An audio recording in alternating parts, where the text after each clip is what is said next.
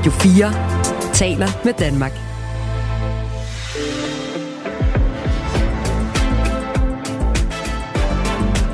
Velkommen til Mandat.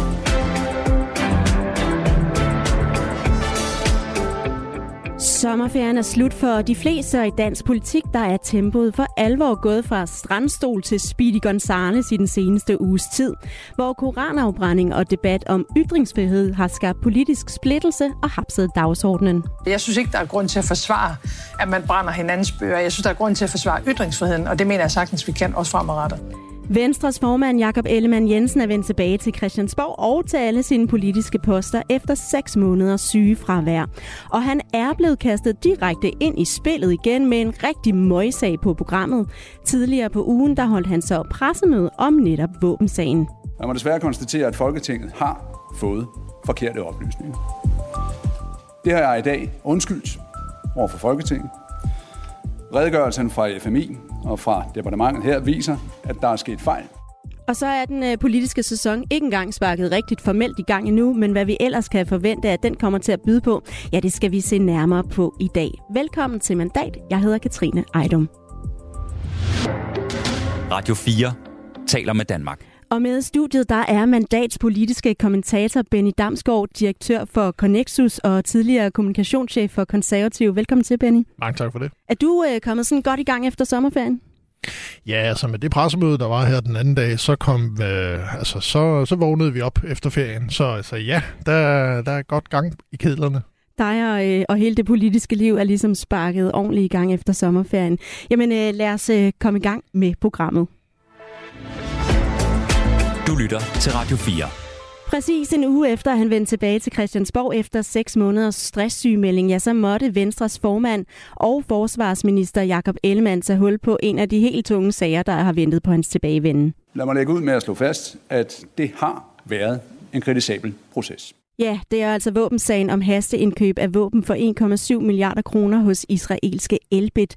En sag, hvor Ellemann har været beskyldt for at give forkerte oplysninger til Folketingets Finans- og Forsvarsudvalg, og hvor vikaren på ministerposten Truls Lund Poulsen før sommerferien bestilte en redegørelse om forløbet. Også velkommen i studiet til dig, Andreas Krog. Jo, tak redaktør på Altinget, der har stået bag en række afsløringer og historier om øh, den her sag. På pressemødet i tirsdags, der var noget af det, der var det store spørgsmål inden, det var, kunne vi få svar på, hvor gik det galt, og hvis ansvar var det? Fik vi de svar? Nej, det gjorde vi faktisk ikke. Øhm, det var det var jo lidt en uddybning af vores artikler, kan man sige, og en bekræftelse af det, vi havde, havde, havde skrevet, og så kom der en enkelt lille ny ting, ting frem, men der blev jo ikke rigtig placeret øh, noget ansvar, ikke engang om det var i styrelsen, altså for, Forsvarsministeriets materielle indkøbsstyrelse, eller ind i ministeriet, øh, det var gået galt, for eksempel med, med det her aktstykke, hvor der, hvor der simpelthen står en, en, en, en forkert dato. Så det var, det var mest sådan en op, opsummering af, af ting og sager. Var du skuffet? Nej, personligt har jeg jo ikke rigtig nogen aktie i det, men, men, men jeg havde måske været lidt naiv i dagene og timerne op til, fordi jeg havde jo troet, at øh, nå, nu fik vi det hele lagt frem, og den havde gjort det, og, og så videre. Ifølge redegørelsen, der er der sket øh, fejl på fire områder. Det er i forhold til, hvordan markedet var afsøgt, så det er i forhold til en manglende orientering om øh, forlig mellem Elbit og Danmark i en gammel sag. Så er det et forkert indtryk af, hvornår en såkaldt demonstrator skulle ankomme, og så forkerte informationer om deadline for at indgå den her aftale med Elbits. Andreas Krog, hvilke af de her punkter er sådan mest alvorlige? Det er den med, øh, med deadline for at indgå aftalen, altså tilbuddet. Øh, og det er der, hvor, øh, hvor Jacob Ellemann jo direkte har vildledt Folketinget, fordi han har skrevet i et brev og i to aktstykker, at tilbuddet fra Elbit udløb den 31. Øh, januar, og øh, hvis man bladrer om på sidste side, side 23 i tilbudene, så kan man se, at de øh, faktisk først udløb øh, 30. juni, altså en, øh, en, en måned efter, øh, at vi skrev historierne. Og øh, der var jo nærmest altså kun én ting, der blev sagt mere end undskyld på det her pressemøde i tirsdags, og det var FMI, Forsvarsministeriets Materialer og Indkøbsstyrelse. Det blev altså nævnt virkelig mange gange. Jeg må sige, jeg har ikke, øh, jeg har ikke talt dem, men det var mange gange, og det var altså ikke i rosende vendinger. Baseret på den her sag, baseret på de øh, donationer, som er foregået til Ukraine, men navnlig også med det fremadrettede, hvor vi skal bruge rigtig, rigtig store beløb på forsvaret, så mener jeg altså, at der er brug for, at vi ser på, hvordan har vi skruet øh, FMI sammen? Er det den rigtige måde, vi har skruet det sammen på? Er der brug for mere ledelseskraft? Er der brug for, at vi organiserer det anderledes? Fordi når sådan noget her kan ske med den struktur, vi har i dag, så er der jo noget, der taler for, at den skal laves om. Den skal måske laves om, men hvad er FMI egentlig for en, en styrelse og en størrelse Andreas en 60 Jamen, det er øh, dem, der indkøber alt i, øh, i forsvaret, lige fra den mindste karabinhage til, til kampfly. Det lyder øhm, magtfuldt. Og jeg vil, jeg vil lige rose dig for at sige Forsvarsministeriets materiel- og indkøbsstyrelse, fordi øh, selv ministeren og selv formanden for øh, Folketingets forsvarsudvalg får kaldt det Forsvarets materiel- og indkøbsstyrelse. Jeg har klappet det, mens jeg har øvet mig. Forsvarsministeriet. Ja, og det, det er fordi, det, øh, hvis, hvis man bruger den korte version med, med forsvaret, så, så får man mange soldater på, på nakken, fordi de er nemlig meget pinligt bevidst om, at det, der hedder Forsvarskommandoen, det er selve forsvaret. Det er hæren, det er søværen, det er flyvåbnet. Og så er der de her lidt forkædrede styrelser, Forsvarsministeriets personalestyrelse, Forsvarsministeriets materielle indkøbsstyrelse. Men du kan også høre, at det er, det er jo en styrelse med et navn på 46 tegn, så vidt jeg husker. Så derfor er det jo også nemmere at se FMI, og det er jo det, vi alle sammen er, er blevet, øh, blevet kommet på fornavn med. Men det er omkring, øh, for at svare på dit spørgsmål, omkring øh, 2800 medarbejdere, både civile og militæransatte, som er øh, holder til primært ude i øh, Ballerup i nogle gamle IT øh, kontor, IT-virksomhedskontor øh, og en, en meget, meget stor øh, maskine, som ikke kun står for indkøb, men også står for hele logistikken øh, og står for, for IT, øh, driften af forsvarets IT. Er det en magtfuld øh, styrelse? Ja, altså magten ligger jo i sidste ende inde i ministeriet og i øh, forsvarskommandoen, altså det, man kalder selve forsvaret. Det er jo egentlig dem, der, hvad skal man sige, bare beder FMI om at købe øh, ting ind. Men jo, overfor for, for producenterne, dem der gerne vil sælge noget til os, der er det jo en enorm magtfuld størrelse. Det er, fordi det er jo dem, der er, der er indkøberne. Det er dem, man skal holde sig gode venner med. Og hvis det her nu var en øh, film, vi var gået i gang med at se, så kunne det godt være på det her tidspunkt, hvor man sad og tænkte på, det er FMI, der har gjort det. Det er FMI, der er skurken. Er det det? Ja, det ved vi jo så ikke endnu. Det er jo det, som øh, der kommer øh, på det her tidspunkt i filmen, kommer der... vi ved jo endnu ikke, om det, det bliver en advokatundersøgelse, men der kommer i hvert fald en uvildig undersøger ind nu og skal se på det. Øh, så jeg, jeg, jeg vil være forsigtig med at gætte på det, men jeg, kan, jeg har hele tiden øh, igennem forløbet ikke rigtig kunne se, hvilket motiv øh, FMI skulle have haft i det her. Øh, jeg kan større se et motiv over i Forsvarskommandoen, øh, dem som ikke er blevet nævnt så meget, som bliver forkortet FKO, øh, fordi de jo tilbage i 2015 godt kunne have tænkt sig de her, øh, de her kanoner. Ja, hvad Og så er det kan for et jeg motiv? Også, Jamen, det, det er jo, at, at man i 2015 øh, gerne ville have haft de her israelske kanoner. Det indstillede man til politikerne. Øh, så satte SF og radikale sig imod på grund af, at, at Elbit, øh, det israelske producent, jo leverer ammunition blandt andet til den israelske øh, her. Og øh, derfor kunne jeg også godt forestille mig, at det var nogen inde i ministeriet, altså det politiske spor. Nu siger Ellemann godt nok, at han, øh, han ikke han bare videregav oplysninger. Men, men før han kom med den forklaring, og hvis man stoler på den forklaring, så er det jo lidt interessant, at, at man gav så kort tidsfrist. Det kunne man jo for eksempel tænke, jamen var det for, at SF og Radikale, de ikke skulle få for lang tid til at tænke sig om den her gang, og at deres bagland måske skulle protestere og sige, kan I huske i 2015, der kunne vi ikke lige hjælpe det kan vi stadigvæk ikke. Et af de øh, helt store spørgsmål forud for øh, gennemgang af redegørelserne, det var jo altså også netop, hvor meget vidste Jakob Ellemann Jensen selv, og øh, han har jo altså på det her pressemøde erkendt og undskyldt, at han har videregivet forkerte oplysninger til Folketinget. Det er mit ansvar som minister, og det undskylder jeg for. Samtidig vil jeg gerne gøre det klart, det har ikke været min hensigt at vildlede Folketinget eller forsvarsforligskredsen, eller pynte på sandheden, eller forholde Folketinget eller forsvarsforligskredsen nogen oplysning. Benny Damsgaard, hvor mm. står øh, Jakob Ellemann efter, at redegørelsen er kommet frem? Jamen, han står et, et, øh, et svært sted, fordi at den her sag er hverken helt eller halvt færdig. Øh, han har jo fuldstændig ret i, at det er, det er hans ansvar, at det her det er foregået. Det er jo et af de øh, ord, han næsten bruger lige så meget, som han bruger, øh, som han sagde, FMI og og, og undskyld, så, så understreger han, det er hans ansvar. Sådan er ministeransvarlighedsloven. Det er hans ansvar, de ting, han skriver under på, og det, der kommer fra hans ministerium over til Folketinget, at det er rigtigt, og det, det har det ikke været i, i det her tilfælde. Og de redegørelser, som jo, øh, som de var tænkt til at starte med, skulle svare på spørgsmålene og dermed lukke sagen, så man kunne få ro på bagsmækken og komme, komme i gang med de svære forhandlinger, der venter her i efteråret, jamen de efterlader en lang, lang række øh, åbne spørgsmål, som man nu er nødt til at lave endnu en, øh, en undersøgelse. Øh, og altså, det er, øh, det er ikke en god sag for Jacob Ellemann, og den er langt fra færdig. Jakob Ellemann, han fik jo altså flere gange sagt undskyld. Ikke nødvendigvis et ord, man sådan hører hver dag i øh, dansk politik. Er det en ny stil i regeringen at sige undskyld? Mm, nej, men, men sagen er så alvorligt, at man var behov for at gå derop. Øh, hvis, øh, hvis Jakob Ellemann havde været minister i en mindretalsregering, så var han blevet væltet. Altså, det er deroppe, vi er på, på alvorshedsskalaen, eller skandaleskalaen, eller hvad man skal kalde den, fordi altså, der er, blevet, altså, der er ingen diskussion om, at der er blevet givet urigtige oplysninger til Folketinget. Det er ministerens ansvar. Man kan beklage og sige undskyld. Men normalt, hvis der var et flertal imod ministeren, vil det koste ham, øh, hvis det koste ham livet. Nu er det en flertalsregering, så derfor overlever han. Ja, og nogle gange så kan man jo godt komme med nogle udtalelser i politik, som øh, når man så skal høre dem igen, så kan de gøre lidt øh, naller. øhm, lad mig lige citere. Kan man virkelig slippe afsted med at tage ansvaret af på sine embedsmænd, når man har det politiske ansvar, og når man sad for bordenden, da beslutningen blev truffet? Sådan har Ellemann selv skrevet et indlæg om øh, Mink-sagen, og nu øh, ser det så ikke ud til at kunne koste ham en ministerpost, fordi han sidder i en flertalsregering. Men hvad koster sagen så? Jamen, den, øh, den skygger, og den koster troværdighed. Altså, det, den her sag øh, er jo ikke den eneste udfordring, som, som Jacob Ellemann står overfor.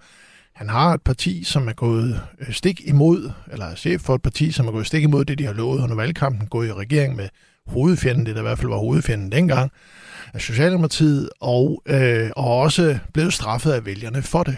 De, øh, de har mistet op mod en tredjedel af deres stemmer siden, øh, siden valget, og øh, der er stadigvæk mange spørgsmål i hans øh, bagland om, hvorfor og hvordan og hvorledes øh, man, man, man har gjort, som man har gjort. Og derudover så står han jo også over for en, en lang, lang, lang række udfordringer på, på forsvarsområdet, altså på hans ministerielle område. Øh, der blev lavet et, et overordnet rammeforlig på forsvarsområdet inden sommerferien, men alt indholdet øh, hvordan overledes de her 143 milliarder, som skal bruges de næste 10 år, de konkret skal bruges, det, øh, det, det udstår jo stadigvæk, og det er det, man skal i gang med nu, og det er der konflikterne først for alvor begynder at komme, fordi så bliver det konkret.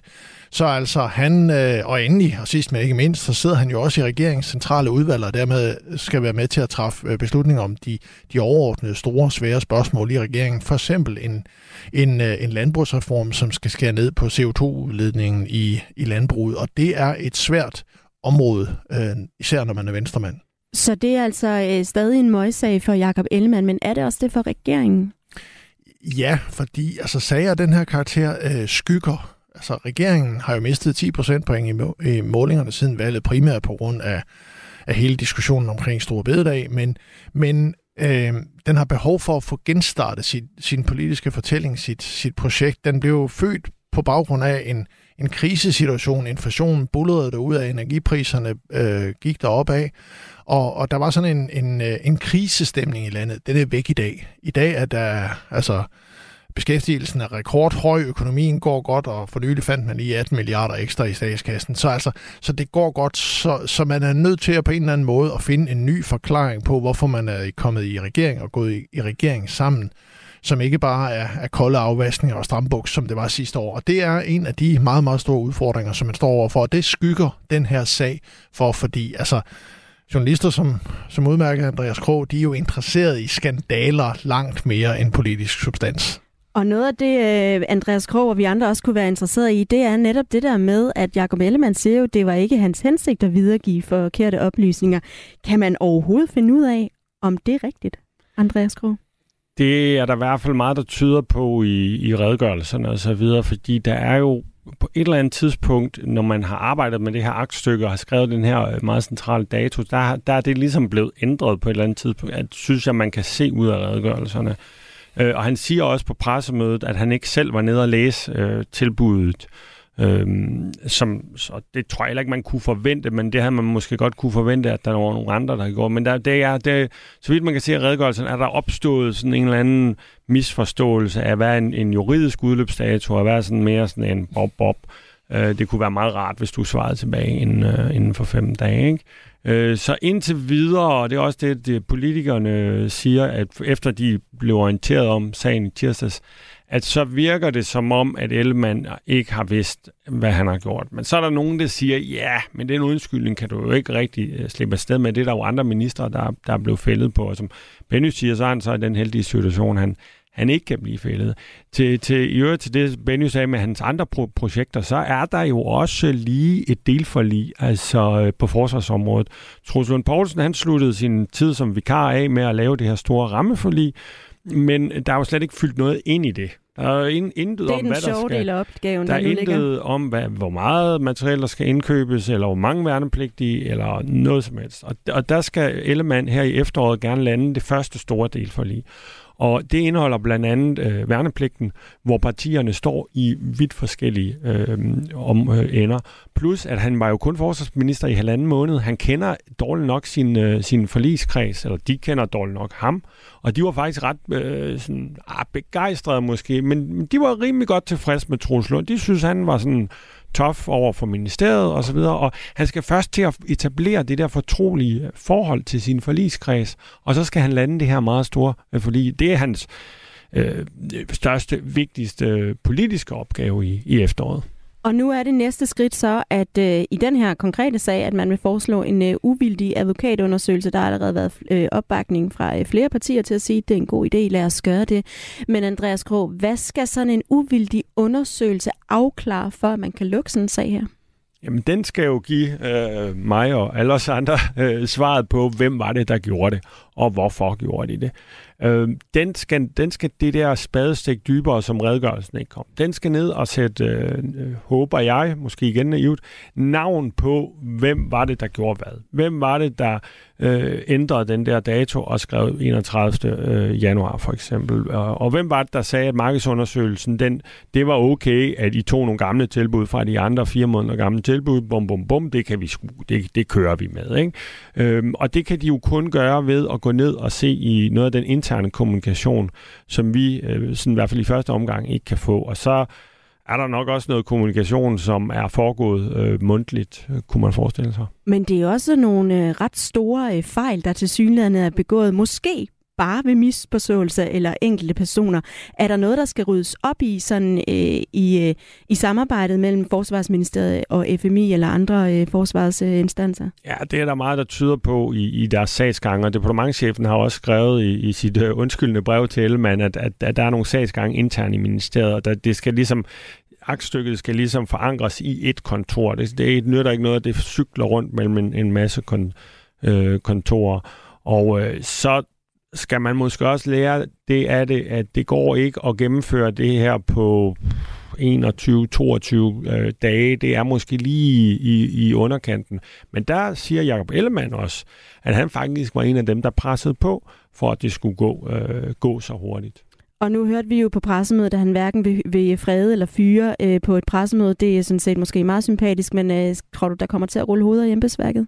Det har øh, i hvert fald de konservative lagt op til, og jeg vil da sige, at, at, at sagen er så alvorlig, at, at der, der, der må der, der må der statusere. Det kan være, der bliver øh, uddelt en advarsel øh, eller, eller noget. Jeg, det, det, er, det er jeg ikke øh, ekspert i.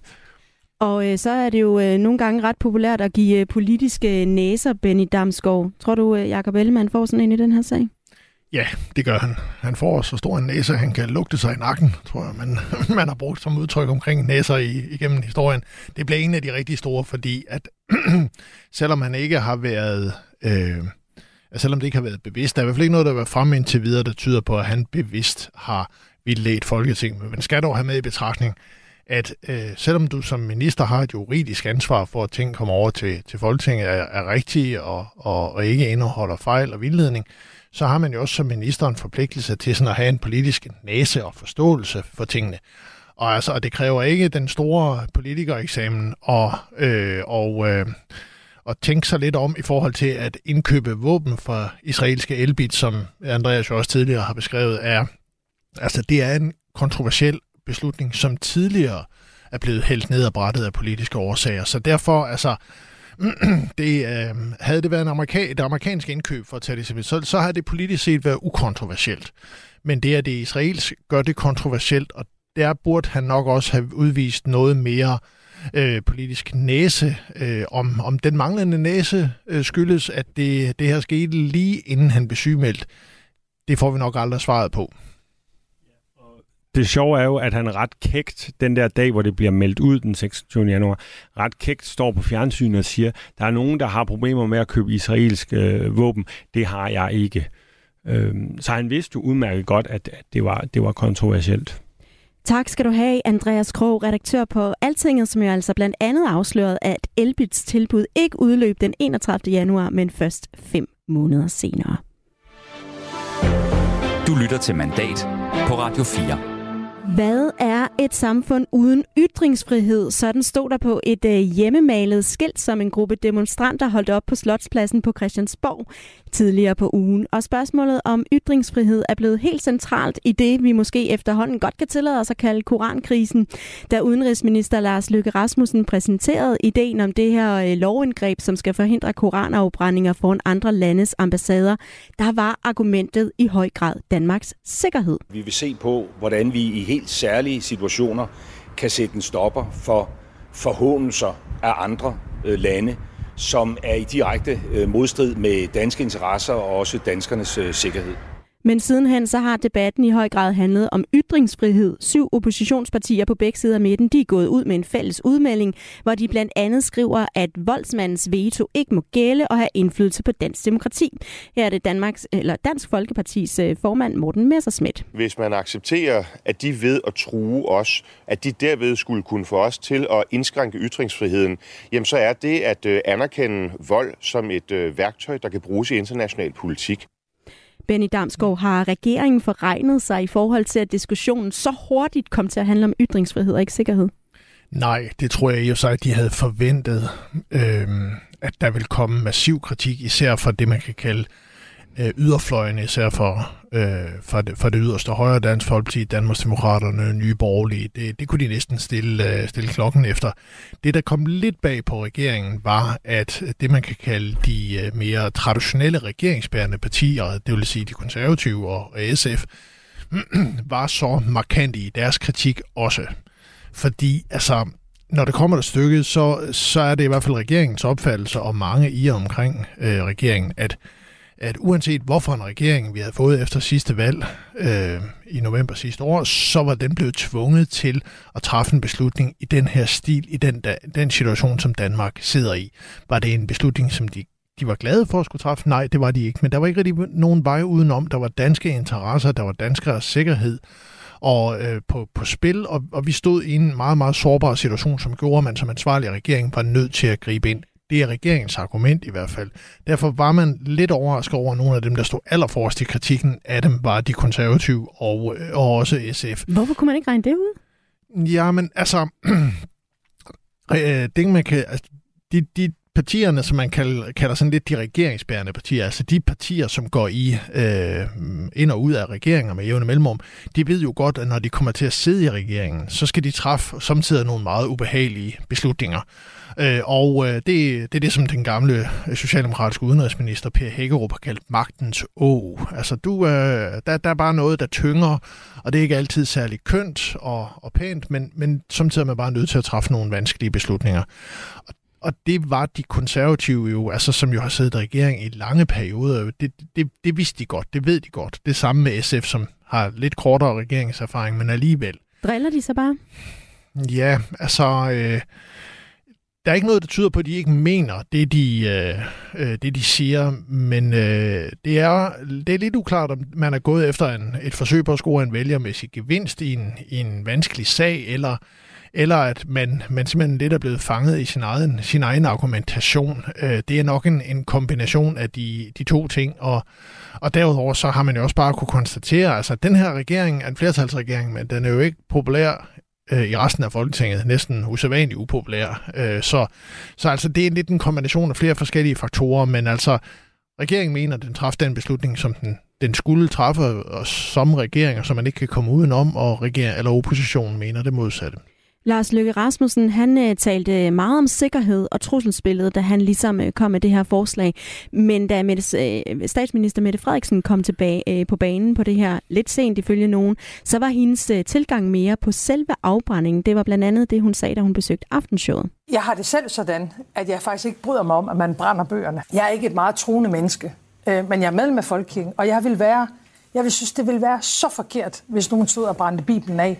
Øh, fordi der er meget i Bibelen, som også er en del af fundamentet for Danmark. For mig går grænsen. Afbrændingerne, jeg bryder mig faktisk ikke om det.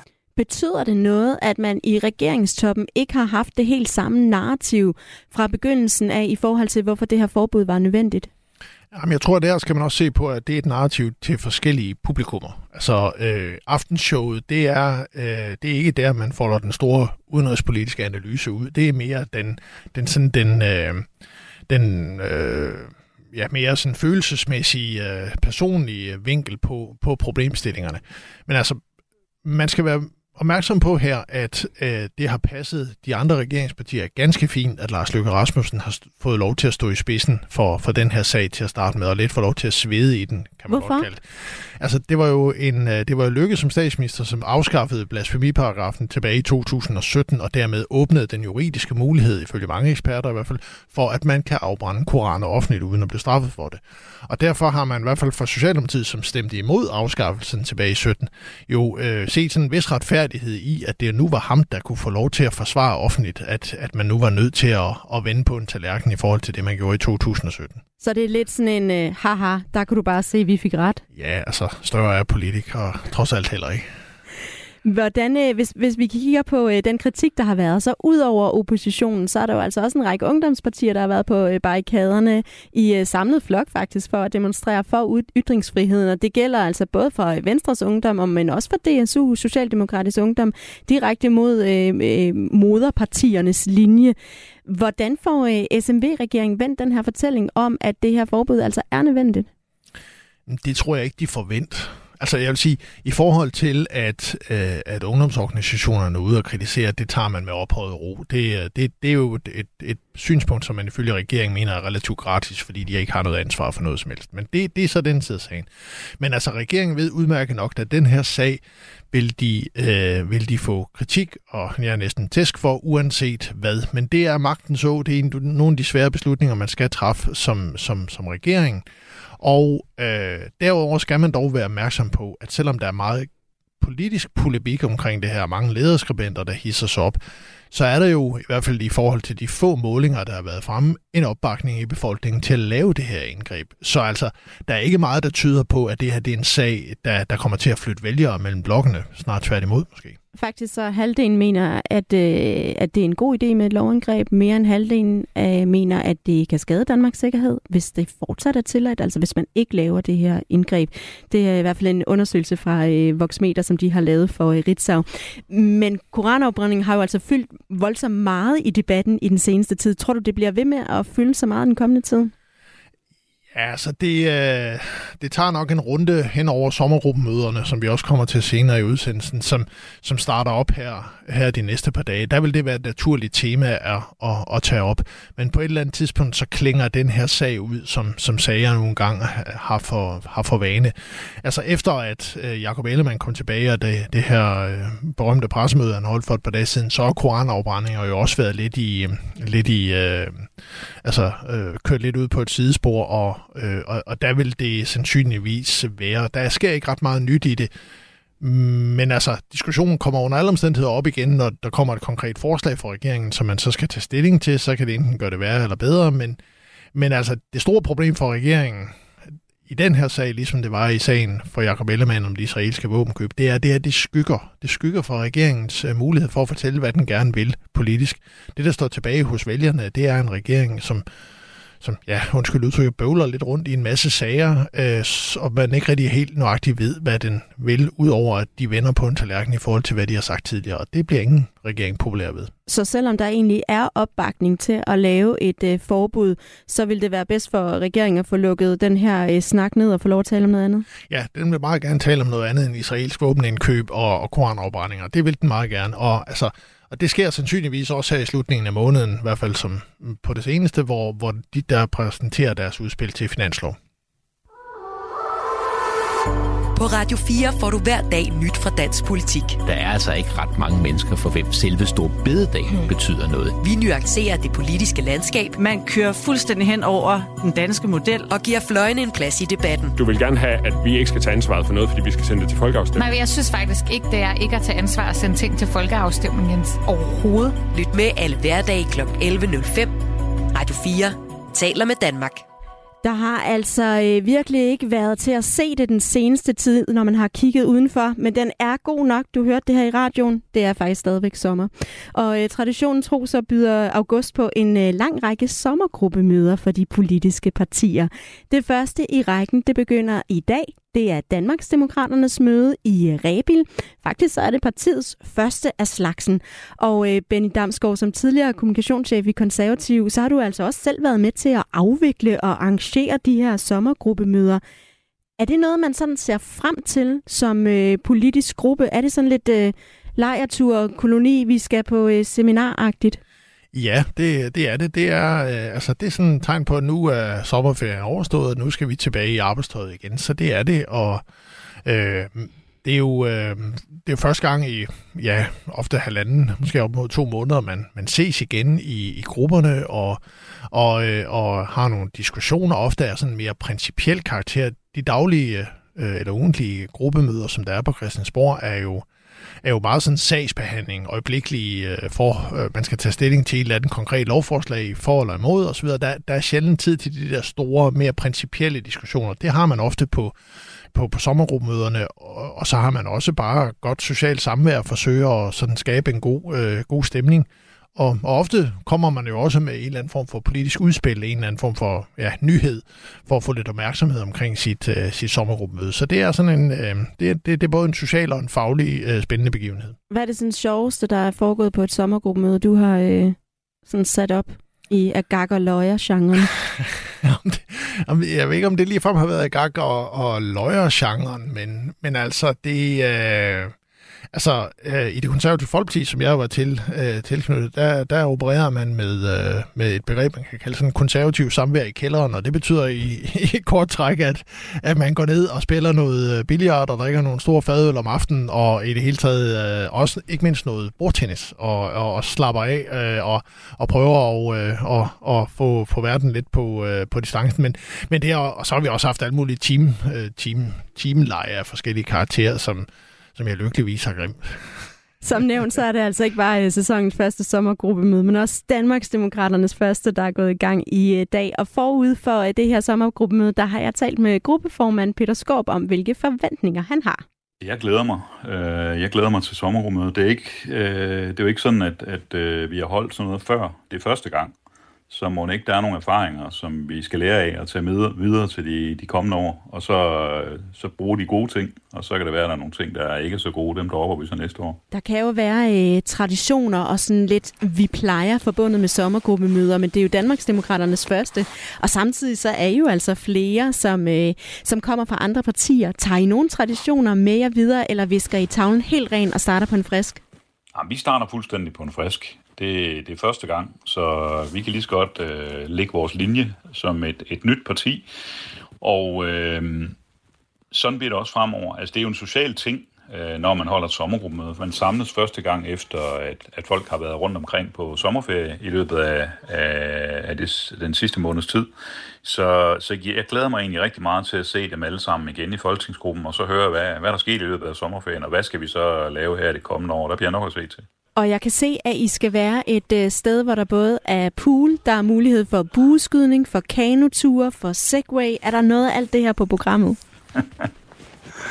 det, jeg synes egentlig, det lyder ret, ret sjovt det hele, men spørgsmålet er selvfølgelig, hvor meget tid vi får til det. Øh, men må det ikke, øh, det, det ligger jo i rebilparker, så må det ikke, det bliver, det, der bliver nogle gode øh, travture, måske endda løbeture øh, derude. Øh, så, så der bliver, Jamen, der bliver noget sjovt øh, for, for folketingsgruppen og, og også nogle af dem, vi har med. Og så, øh, så kommer vi til at snakke rigtig, rigtig meget politik også. Kan du løfte ja. sløret for øh, noget af det, der skal ske sådan i den øh, sociale genre i løbet af de dage, I har sommergruppemøde? Nej, det skal være en overraskelse for dem, der møder op til vores sommergruppe i Folketingsgruppen, noget af det. Så, så det, det, bliver, det, bliver, det bliver lige i, i kredsen indtil videre. Men øh, jeg røber nok ikke for meget ved at sige, når det bliver holdt i Rebil Bakker, så skal vi nok ud og gå nogle gode ture ude i, i bakkerne og få noget god motion. Men hvor meget betyder det her sociale i forhold til sådan benhårde politiske diskussioner på et sommergruppemøde? Det betyder rigtig meget. Altså, det er vigtigt, når man øh, arbejder med politik, men for så vidt også i alle mulige andre organisationer, at man har det sjovt sammen, og at man prøver nogle ting sammen, som man så kan lære af. Altså, det er jo et holdarbejde. Det er teamwork, der, der gør, at man øh, klarer sig godt som hold. Hvad bliver sådan det vigtigste for jer at diskutere, hvis vi så skal vende tilbage til politikken? Det er et rigtig godt spørgsmål. Altså, vi når selvfølgelig at vende rigtig mange ting. Uh, ikke mindst, hvad det er, vi gerne vil præge dagsordenen med på Christiansborg her i den kommende folketingssamling. Men, men der, det er klart, at altså her i efteråret bliver der jo et kæmpe slag på Christiansborg omkring CO2-afgiften på landbruget. Og der har regeringen tænkt sig at gennemføre noget, som vil koste mellem 19 og 36.000 arbejdspladser i vores landdistrikter. Det er klart, det, det bliver jo et, et tema for et parti som Danmarksdemokraterne. For os at se gavner det ingenting. Det flytter kun produktionen til lande med højere CO2-udslip og giver dårligere dyrevelfærd. Og det er, det, det er rigtig skidt. Hos øh, Danmarksdemokraterne, der er I blevet kritiseret for at mangle konkret politik og partiprogram. Kommer vi til at se frem til, at der kommer nogle nye politiske udspil i forlængelse af jeres sommergruppemøde? Altså, vi holder i hvert fald et pressemøde, så må ikke der kommer noget nyt der. Men øh, det kommer jeg nok ikke til at afsløre her i radioen. Der håber jeg, at I selv møder op i Radio 4 og hører, hvad vi kan fremlægge på pressemødet. Men nogle konkrete politiske udspil, det kan du godt love, selvom du ikke kan love, hvad det er for nogen? Det kan jeg bestemt love. Uh, vi har også brugt sommeren på at diskutere politik, uh, nogle af os, og, og det er noget, vi kommer til at, at fortælle mere om på pressemødet og, og i den kommende folketingssamling i det hele taget. Så I er meget velkommen til at tage med til Rebel. Og hvad øh, kommer du til at, at glæde dig mest til her i løbet af de kommende dage, I skal være samlet? Jamen, altså det der sociale spiller jo en stor rolle. Få noget, noget godt at spise og, og møde øh, vores gode Øh, folketingsmedlemmer. Øh, hvad har de oplevet? Hvad har de fået af tanker øh, hen over sommeren? Øh, det er jo sådan med politikere, at, at de har det svært ved at holde ferie. Øh, der kommer hele tiden ting op, og hvis man ikke selv tænker tanker, så kan det være, at der kommer nogle gode forslag på nogen, man møder på sin ferie eller rundt omkring i Danmark. Og, og det er det, vi elsker ved politik og ved det arbejde, vi har. Så der bliver rigtig, rigtig mange gode snakke, vi får på sådan en sommergruppemøde. Jeg spurgte altså også Peter Skåb, hvad de så skulle have at spise, om han vidste, hvad der var på menuen. Det vidste han ikke, men han håbede meget på, at der var is, fordi det har han åbenbart et øh, blødt punkt for. Det er jo godt at vide, ja. hvis man nogensinde skulle ja. komme i den situation. Hvor vigtige er øh, sommergruppemøderne for partierne? Jamen, de er vigtige, øh, især for, øh, for partier, som, som er relativt nye, øh, og som skal, øh, skal finde deres position og profilere sig. For eksempel øh, Danmarksdemokraterne her Øh, så, så, øh, så det er, øh, det, det, er en vigtig, det er en vigtig begivenhed, og det, det er både på det faglige og på det, på det personlige eller private plan, kan man næsten kalde det. På det sociale plan er måske et bedre udtryk. Så, så ja, det er, det er vigtigt. Og nu hørte vi, at Danmarksdemokraterne vil gøre sig klar til debatten om CO2-afgift på, på landbruget. De 11 andre folketingspartier følger jo altså også trop med deres respektive sommergruppemøder i løbet af den næste lille måneds tid. Hvad skal vi holde øje med ved de her møder? Ja, det er nok ikke helt tilfældigt, øh, at øh, Danmarksdemokraterne har lagt sig som de første. Fordi så, så kan de give mulighed, altså så ligger de jo fundamentet og, og, øh, og, og, og lægger de der strenge ud, som de andre partier så skal forholde sig til. Altså nu vil de så gerne diskutere øh, øh, CO2-reduktioner i landbruget, og det er jo et godt tema for Danmarksdemokraterne, fordi der står de mere eller mindre alene med det der syn, med et synspunkt om, at der ikke rigtig skal gøres noget på, på, på det område, selvom landbruget er et af de få områder, som ikke øh, har lavet øh, nævneværdige CO2-reduktioner. Så Øh, så øh, så det, øh, det er selvfølgelig et synspunkt, de står alene med, og det vil de jo super gerne have de andre partier til at diskutere efterfølgende. med. jeg tror også godt, vi kan forvente, at Inger Støjberg kommer til at give den relativt meget gas på spørgsmål omkring koranafbrændinger, og især målrettet med kritik mod, mod Venstre og Jakob Ellemann personligt. Altså det, øh, det, den fristelse tror jeg ikke, hun kan stå imod. Er der nogle af de andre øh, partiers sommergruppemøder, som du allerede nu tænker, det, det bliver rigtig sjovt at følge med i, hvad de kommer til at sige på deres pressemøder?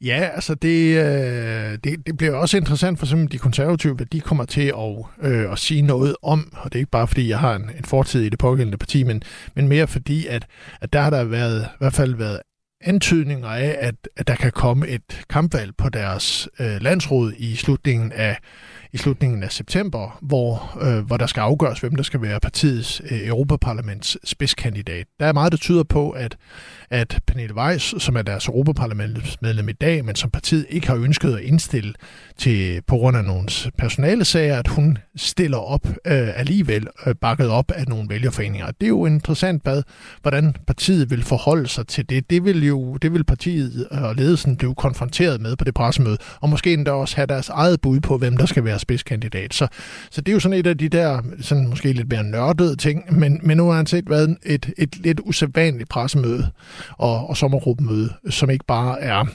er rundbold og, og god mad. Monique, vi øh, to kommer til at tale mere om de her sommergruppemøder i løbet af de næste par uger i hvert fald.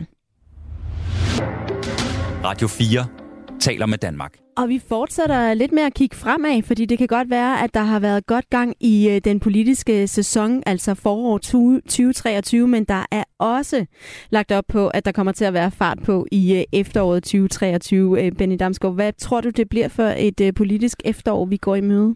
Jamen, der kommer tryk på.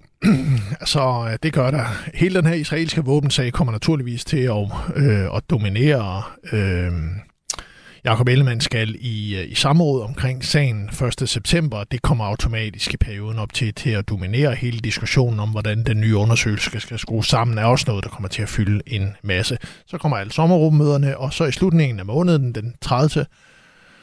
30. Øh, august øh, kommer regeringen med sit udspil til, øh, til finanslov. Og det er i år en lidt uh, usædvanligt uh, interessant begivenhed, fordi at som vi har været inde på før, så har regeringen behov for at, at kickstarte sig selv, og der vil et, et meget offensivt finanslovsforslag være en naturlig del af det.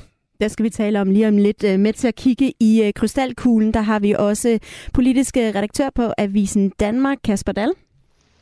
Hej Kasper. Tusind tak. Også vært på Hej. Radio 4's Det Røde Hjørne og Det Blå Hjørne. Tror du, vi skal forvente samme tempo, som foråret har budt på her i efteråret? Uh, det er næsten lige før, jeg faktisk tænker, at der er potentiale i det her politiske efterår til, at tempoet egentlig kan blive endnu højere end øh, det, vi oplevede i, øh, i foråret. Fordi hvis vi nu skal være helt ærlige, så var det jo øh, nogle få sager i foråret, der kom til at fylde rigtig, rigtig meget, især øh, Storbededagsdebatten. Øh, debatten. Men der har jeg en forventning om, at der kommer en lang række flere sager på den politiske dagsorden i efteråret, og der vil mængden simpelthen bare gøre, at øh, tempoet kommer til at være rasende højt. Jamen, øh, vi øh, suger lige luft ind, og så lad os øh, kigge på et par af de her store opgaver, der venter i øh, fremtiden. Lad os lige tage den øh, lidt ad gangen. Du tog hul på det før, øh, Benny Damsgaard, finansloven, fordi øh, SMV-regeringen skal jo altså lave sin første reelle finanslov for 2024. Øh, hvad, hvad bliver udfordringen der? Jamen altså, øh, den sidste finanslov, den vi, vi har i år, det var på mange måder sådan en teknisk finanslov, som i bund og grund bare en videreførelse af året før på grund af valget, og man kunne ikke nå at forhandle en. Så, så, så den var meget øh, forsommelig, der var også en inflationsudfordring. Nu står man med en helt anden situation, hvor regeringen er i gang med at skal genstarte sig selv. De har fundet helt tilfældigt 18 milliarder mere i, i, i kassen. Derfor kan man forvente en langt mere offensiv øh, finanslov, hvor regeringen slår nogle af de politiske temaer an, som der står i dens regeringsgrundlag.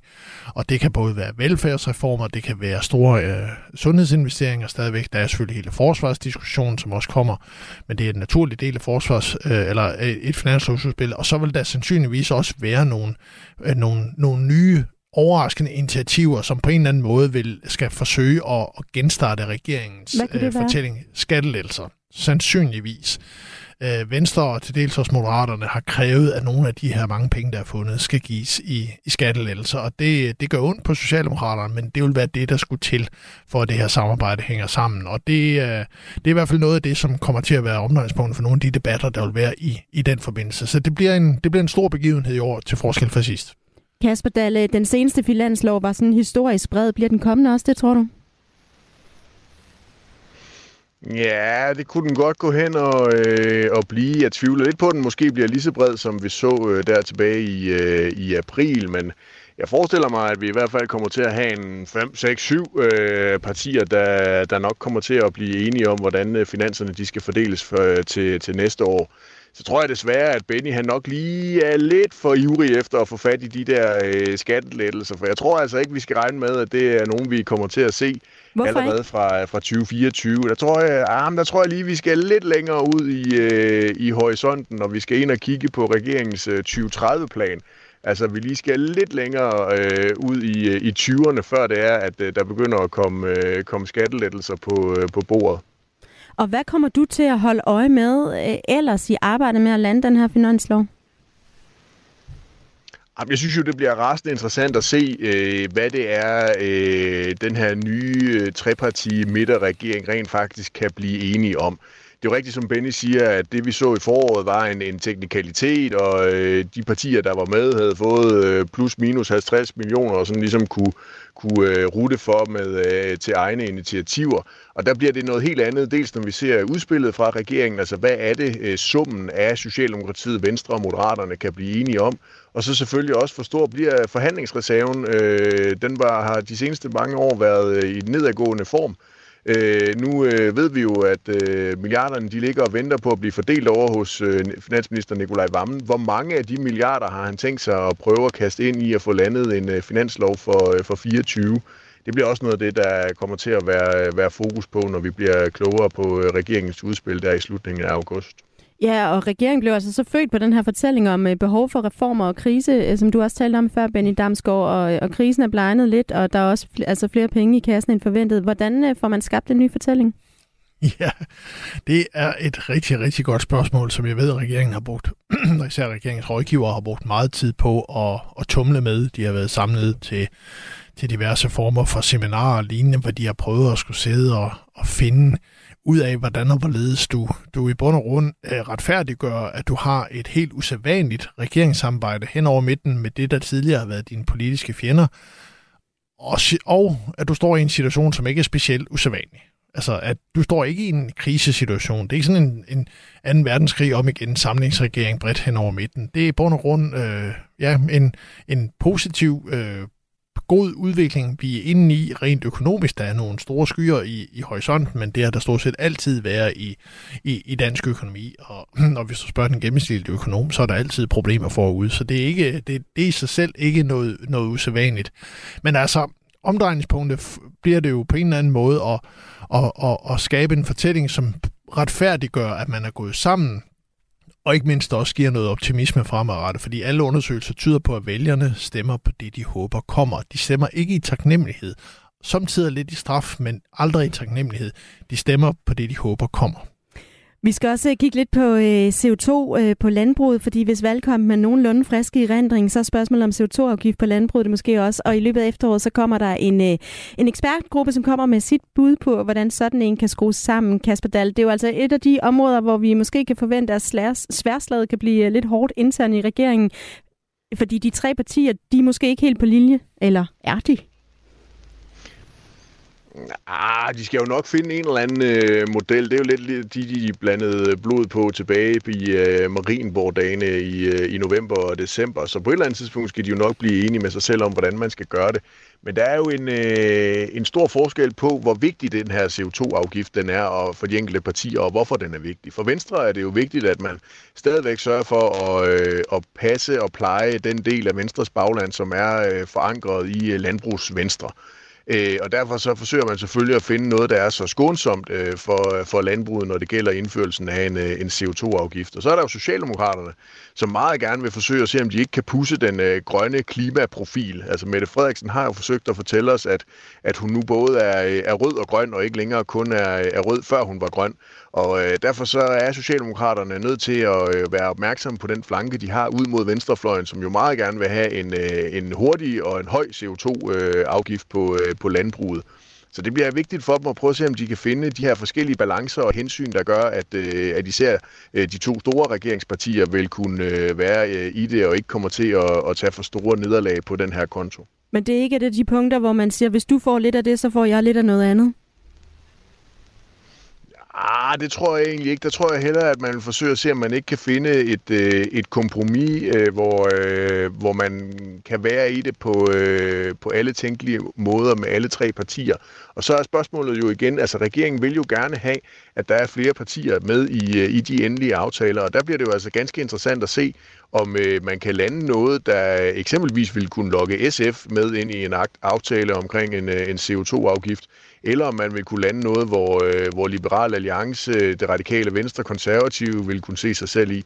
Jeg tror, det i virkeligheden det bliver parlamentarisk sværere for regeringen at finde nogen at samarbejde med på, øh, på det her øh, område, end vi har set øh, tidligere. Og det her omkring indførelsen af en CO2-afgift kan godt gå hen og blive øh, den første aftale, hvor regeringen er nødt til at køre det øh, igennem kun med deres egne mandater. Vi skal lige øh, nå at tale lidt om øh, hele velfærdsområdet også, fordi det er jo altså et af de store emner, fremtidens velfærd, især med fokus på øh, ældreområdet. Der er blevet taget sporadisk øh, lidt hul på i debatten hen over foråret og sommeren. Lars Lykke meldte ud i øh, din avis, Kasper, at privilegerede danskere selv kan komme til at betale for ældrepleje. Og så har vi set øh, Socialdemokratiets øh, politiske ordfører, Christian Rabia Madsen, lufte ideen om, at folk øh, selv skal spare op til egen ældrepleje, og der altså er behov for, at vi kigger på vores øh, velfærd. Benny Damsgaard, hvad betyder det, at der bliver åbnet for den her velfærdsdebat nu? Ja, altså begge de to øh, eksempler, du nævner, det er jo udtryk for solomeldinger, henholdsvis for Lars Løkke og, og også for, for Socialdemokratiet. Altså, og det er solomeldinger, som de andre regeringspartier og, og i Christian Rabia Madsens tilfælde internt i Socialdemokratiet har skabt irritation og debat. Så altså, det understreger jo, at hver gang der er nogen, der tænker lidt ud af boksen på det her område, så er det et meget svært, øh, altså så er det kontroversielt og meget svært. Altså, du er inde og pille ved, ved, øh, ved, øh, ved grundstenen i, hvordan ved, det danske velfærdssamfund øh, er, er skruet sammen. Det, det er ikke noget problem at gerne vil give flere penge, eller ansætte flere pædagoger, eller have flere lærere. Det, det, øh, det er jo, kan man sige, det, det, det lette velfærdssynspunkt. Det svære er, hvordan ved, man går ind og, og roder rundt øh, i, det, i den grundlæggende styring af det, og der har regeringen jo lagt op til, at den vil acceptere, at der bliver højere grad af forskel øh, kommunerne imellem, fordi man vil give mere frihed til øh, institutionerne og til, til de enkelte kommuner til at tilrettelægge velfærden, som øh, i netop deres område, eller på netop deres skole eller institution, som, som øh, deres brugere og borgere gerne vil have det. Og det kan ikke andet end undgå at give forskel øh, landet imellem. Alene af den årsag, at der er stor økonomisk forskel landet imellem, og det kan heller ikke andet end undgå at give negativ medieopmærksomhed, fordi pressen vil fokusere meget hårdt på de kommuner, hvor tingene måske ikke kører særlig godt. Kasper Dahl, hvilke partier kan vi forvente kommer til at markere sig i den her, øh, det her store, men, men principielle emne om øh, fremtidens velfærd? Jamen altså, nu er der jo 12 partier i Folketinget, så jeg forestiller mig, at vi kommer til at opleve alle 12 partier simpelthen kommer til at stå på øh, nakken af hinanden for at komme ud og, øh, og mene noget om det her, når de engang har fundet ud af, hvad det er, de skal mene. Fordi det er jo øh, rigtigt, som Benny er inde på, det er et meget, meget, meget stort og, øh, og vigtigt emne, og man øh, har jo oplevet, at der virkelig er blevet rørt rundt i grøden øh, her i, i løbet af foråret med nogle forskellige meldinger fra nogle højt profilerede øh, politikere. Så det er vigtigt for partierne, at når de så rent faktisk kommer ud med et budskab, at de så er knivskarpe på det, og der er enighed omkring det internt i partiet.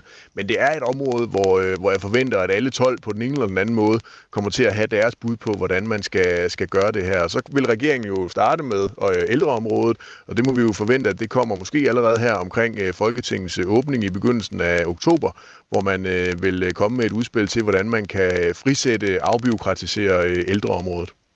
Og øh, det var et par nedslagspunkter for det politiske efterår. Ganske kort, Kasper Dahl. Hvad kommer du ellers til at holde øje med? Åh, oh, der er jo så meget, men altså, nu er jeg jo lige inde på den der 2030-plan. En ting er selvfølgelig at kigge efter øh, skattelettelserne i, øh, i sådan en økonomisk fremskrivning, men det bliver jo også et af de steder, hvor vi kan se, hvordan den interne armlægning i regeringen har været, når vi finder ud af, hvor meget bliver der egentlig til yderligere skattelettelser, altså ud over de 5 milliarder, der allerede er givet i øh, regeringsgrundlaget, og hvor meget kommer der til at være til yderligere løft af velfærden. Og Benny Damsgaard, øh, samme spørgsmål til dig i virkeligheden. Hvad kommer du til at øh, holde øje med sådan i løbet af, øh, af efteråret her, der kan komme til at fylde noget?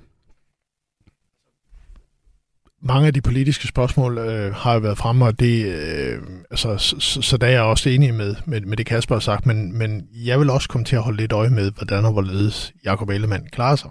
Ja, altså, han, hvad vil du kigge på der? Ja, men altså, det er jo en, en svær opgave, han, han nu står for, og, og med en ekstremt stor arbejdspres, kan han holde til det.